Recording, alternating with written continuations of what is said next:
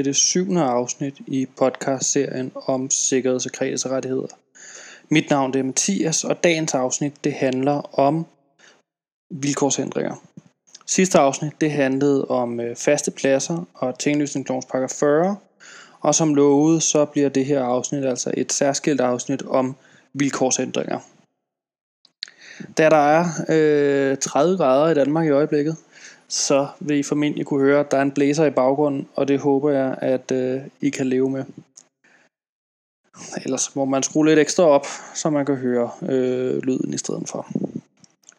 Godt, men lad os gå i gang med at snakke om de her forskellige vilkårsændringer. Hvis vi starter med at kigge på tinglysningslovens paragraf 40 stykke 3. 40 stykke 3, det er jo først og fremmest den her bestemmelse, der snakker om aftalt oprykningsret, men derudover så står der også, at hvis der er aftalt oprykningsret, så kan der ikke vedtages en nedsættelse af afdragets størrelse eller anden stansning i lånets afvikling uden efter panthavers samtykke. Altså dermed sagt, så er det ikke muligt for en panthaver øh, at sige, at nu skal der betales mindre af end før, uden at de andre panthaver de samtykker til det her. Så står der videre, at en henstand med afdragslæggelse fra forpandhaverens side kan ikke bevirke, at efterpandhaverens kapital betale forfalden, hvorimod efterpandhaveren i så fald kan forlange det forfaldende beløb udbetalt til ham selv som afdrag på skylden til ham. Altså, det betyder, at hvis der ikke bliver betalt af til den, der står foran en, så medfører det ikke, at det er en misligeholdelse af lånet, der står bagved. Altså man kan ikke påberåbe sig, at et andet lån i ejendommen er misligeholdt. Det man ligesom må påberåbe sig, det er kun, at ens eget lån er misligeholdt. Og det er det altså ikke, hvis det er forpanthaverens lån, der er misligeholdt. Det der videre står i den her bestemmelse, det er så, at jamen, hvis der ikke bliver betalt af på en prioritet, der står foran en, så har man så mulighed for at kræve det afdrag, der ellers skulle have været betalt til forpanthaveren, betalt til sig selv. Fordi på den måde, så bliver man stillet sådan om, at man løbende rykker op. Altså, i stedet for, at man så har sådan, at den, der er foran en, lige pludselig får betalt 200, 2, sorry, 2.000 kroner i et afdrag til sig, så rykker man jo 2.000 kroner op. Så det, der sker i stedet for, det er, så bliver der betalt 2.000 kroner til anden prioriteten, og så rykker anden prioriteten jo så ikke 2.000 kroner op, men til gengæld så bliver anden prioritetens gæld mindre, og på den måde så bliver man stillet, så når man rykker op. Så kan man diskutere eller snakke lidt om, jamen, hvad er egentlig tanken med det her ude i virkeligheden? Hvad er grunden til, at der er nogen, der gider at sige, ved du hvad, du behøver ikke betale af til mig lige nu, du kan betale af til alle mulige andre i stedet for. Og der er en af grundene, det kunne være, at hvis man nu har en første prioritet til en meget, meget, meget høj rente, så kan bankerne på de efterfølgende prioriteter måske godt have en øh, interesse i, at pantsætter hurtigst muligt får banket lånet på første prioriteten af, så der ikke er den her høje rente, der skal betales af øh, løbende. Fordi lige så snart den rente den er øh, ude af spil, så er man måske lidt mere sikker på, at man får sine penge. Så står der så afslutningsvis i stykke 3, at hvis der er flere efterpanthavere, der øh, gør den her ret til, at man kræver afdraget betalt til sig gældende, så er det den, der står øverst i prioritetsrækkefølgen, der får den betalt til sig. Altså det er ikke sådan, at de alle sammen hver især kan kræve at få afdraget. Det er kun den, der står bedst muligt, fordi på den måde, så vil det stadig virke som om, at de andre efterstående panthavere, de stiller roligt rykker op. Så går vi videre til stykke 4. Stykke 4 den handler om henstand med renter.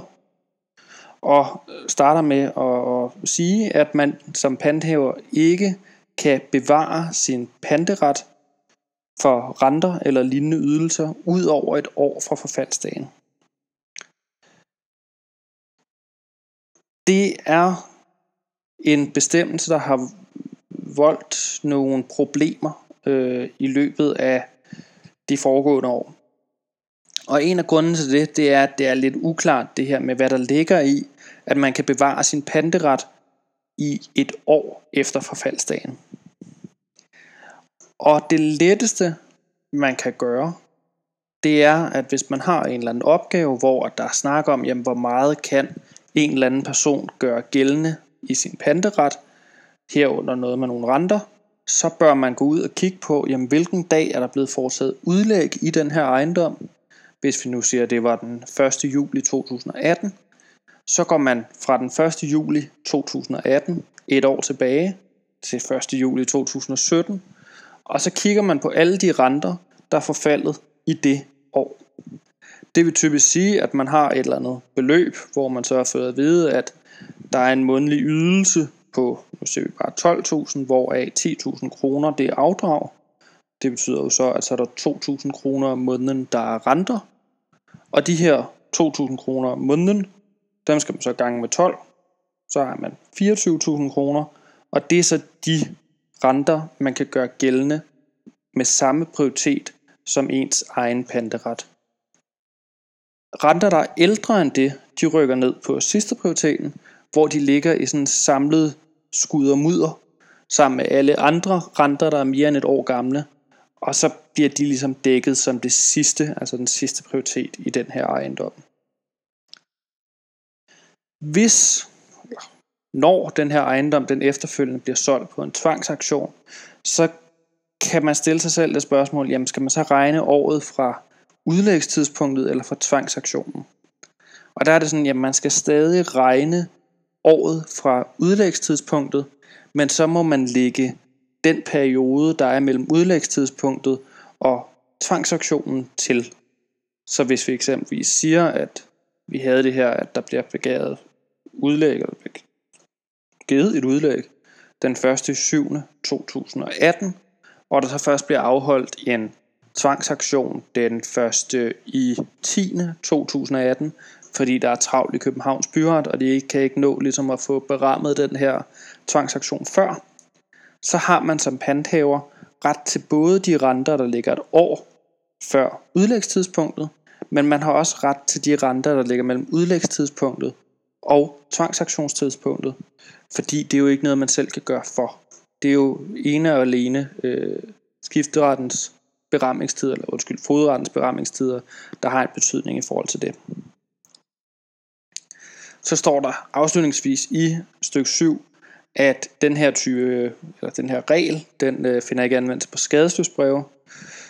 Det er øh, meget godt at vide. Der burde også stå, at det heller ikke finder anvendelse på ejerpantebreve, fordi der er det nemlig sådan, at der kan man bevare sin prioritet for renter, der også er mere end et år gammel, så længe de bare kan holdes inden for rammen af skadesløsbrevet eller ejerpantebrevet. Så den her regel, den kan altså ikke overføres til skadesløsbrev og ejerpantebrev. Så går vi ned til stykke 5. Stykke 5 den handler dels om at ændre øh, uopsigelighed og dels om at ændre renten. Det, der står først i stykke 5, det er, at man ikke kan aftale længere uopsigelighed uden samtykke fra dem, der står efter den her panthaver. Og uopsigelighed, det er jo fordi, at alle har en eller anden interesse i, at man hurtigst muligt kan komme ud af lån med høje renter osv. Men hvis man så har indgået et lån, hvor man er bundet af det i en lang periode, øh, så vil de efterstående panthaver gerne have mulighed for ligesom at ligesom sige, stop, det her det vil vi ikke være med til, fordi det går ud over dem, at der lige pludselig i en længere periode skal betales en højere rente på en prioritet før, fordi det gør deres lån mere usikkert. Så det er altså grund til det her med, at man ikke bare kan aftale en længere uopsigelighed, uden at de efterstående de har givet samtykke. Derudover, og det er det næste, der står her i stykke 5, så kan man heller ikke aftale en rente, der overstiger 5%, uden de efterstående panthavers samtykke.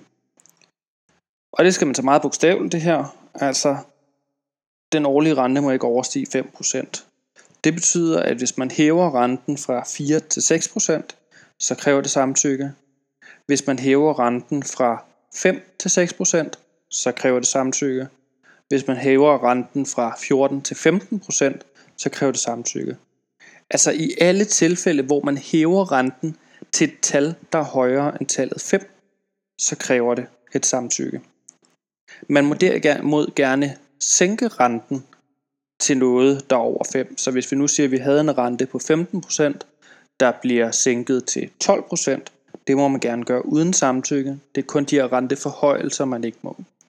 Og det er kun, hvis renten kommer til at udgøre et tal, der er højere end tallet 5. Så går vi videre til stykke 6. I stykke 6, den handler om tvangsauktionsklausulen. Og der kan I måske huske, at tilbage i afsnittet om for, forholdet mellem panthaver og pantsætter, så snakkede vi om Justitsministeriets almindelige betingelser, herunder Justitsministeriets almindelige betingelser, punkt 9. Og det er nede i punkt 9, at vi har den her tvangsaktionsklausul. Det der stod i den, det var, at man ikke kan kræve ens pantebrev indfriet i tilfælde af en tvangsaktion, fordi tvangsauktionskøberen som udgangspunkt har ret til at overtage det pantebrev, der måtte være i ejendommen. Det kan der være forskellige interesser i, men det er i hvert fald en ret, man har, medmindre man helt specifikt har aftalt sig ud af den. Og det, der står her i stykke 6, det er så, at man kan ikke aftale sig ud af den her tvangsaktionsklausul, uden at de efterstående panthavere de har givet deres samtykke. Så står der til sidst i stykke 7, at hvis man ændrer andre vilkår, hvis man kan tænke sig til nogle andre vilkår, som kan ændres, så kræver det ikke samtykke. Der er meget, meget få eksempler på, hvad de her andre vilkårsændringer de kunne være. Der er i bogen en dom, der handler noget om, at øh, man har forsøgt at ændre valutaen på et lån, og der sagde man, at det er ikke omfattet af, af paragraf 40. Så det er ligesom de eksempler. Det er næppe noget, der vil komme i, i en opgave, men det er meget godt at vide. Så det er altså det, der er at vide om vilkårsændringer. Vilkårsændringer, det er alle de tilfælde, hvor at man ligesom skal sikre, at dem, der står efter en selv, eller efter en eller anden de ikke bliver stillet ringere, end de var, dengang de indgik deres aftale om at give pant til den her pantsætter. Og med de ord, så er vi nået til vejs ende i det her afsnit om vilkårsændringer. Det næste afsnit det kommer til at handle om ejerpantebreve og skadesløsbreve. Jeg vil sige tak for at du lyttede med, og så hører vi ved igen i næste afsnit.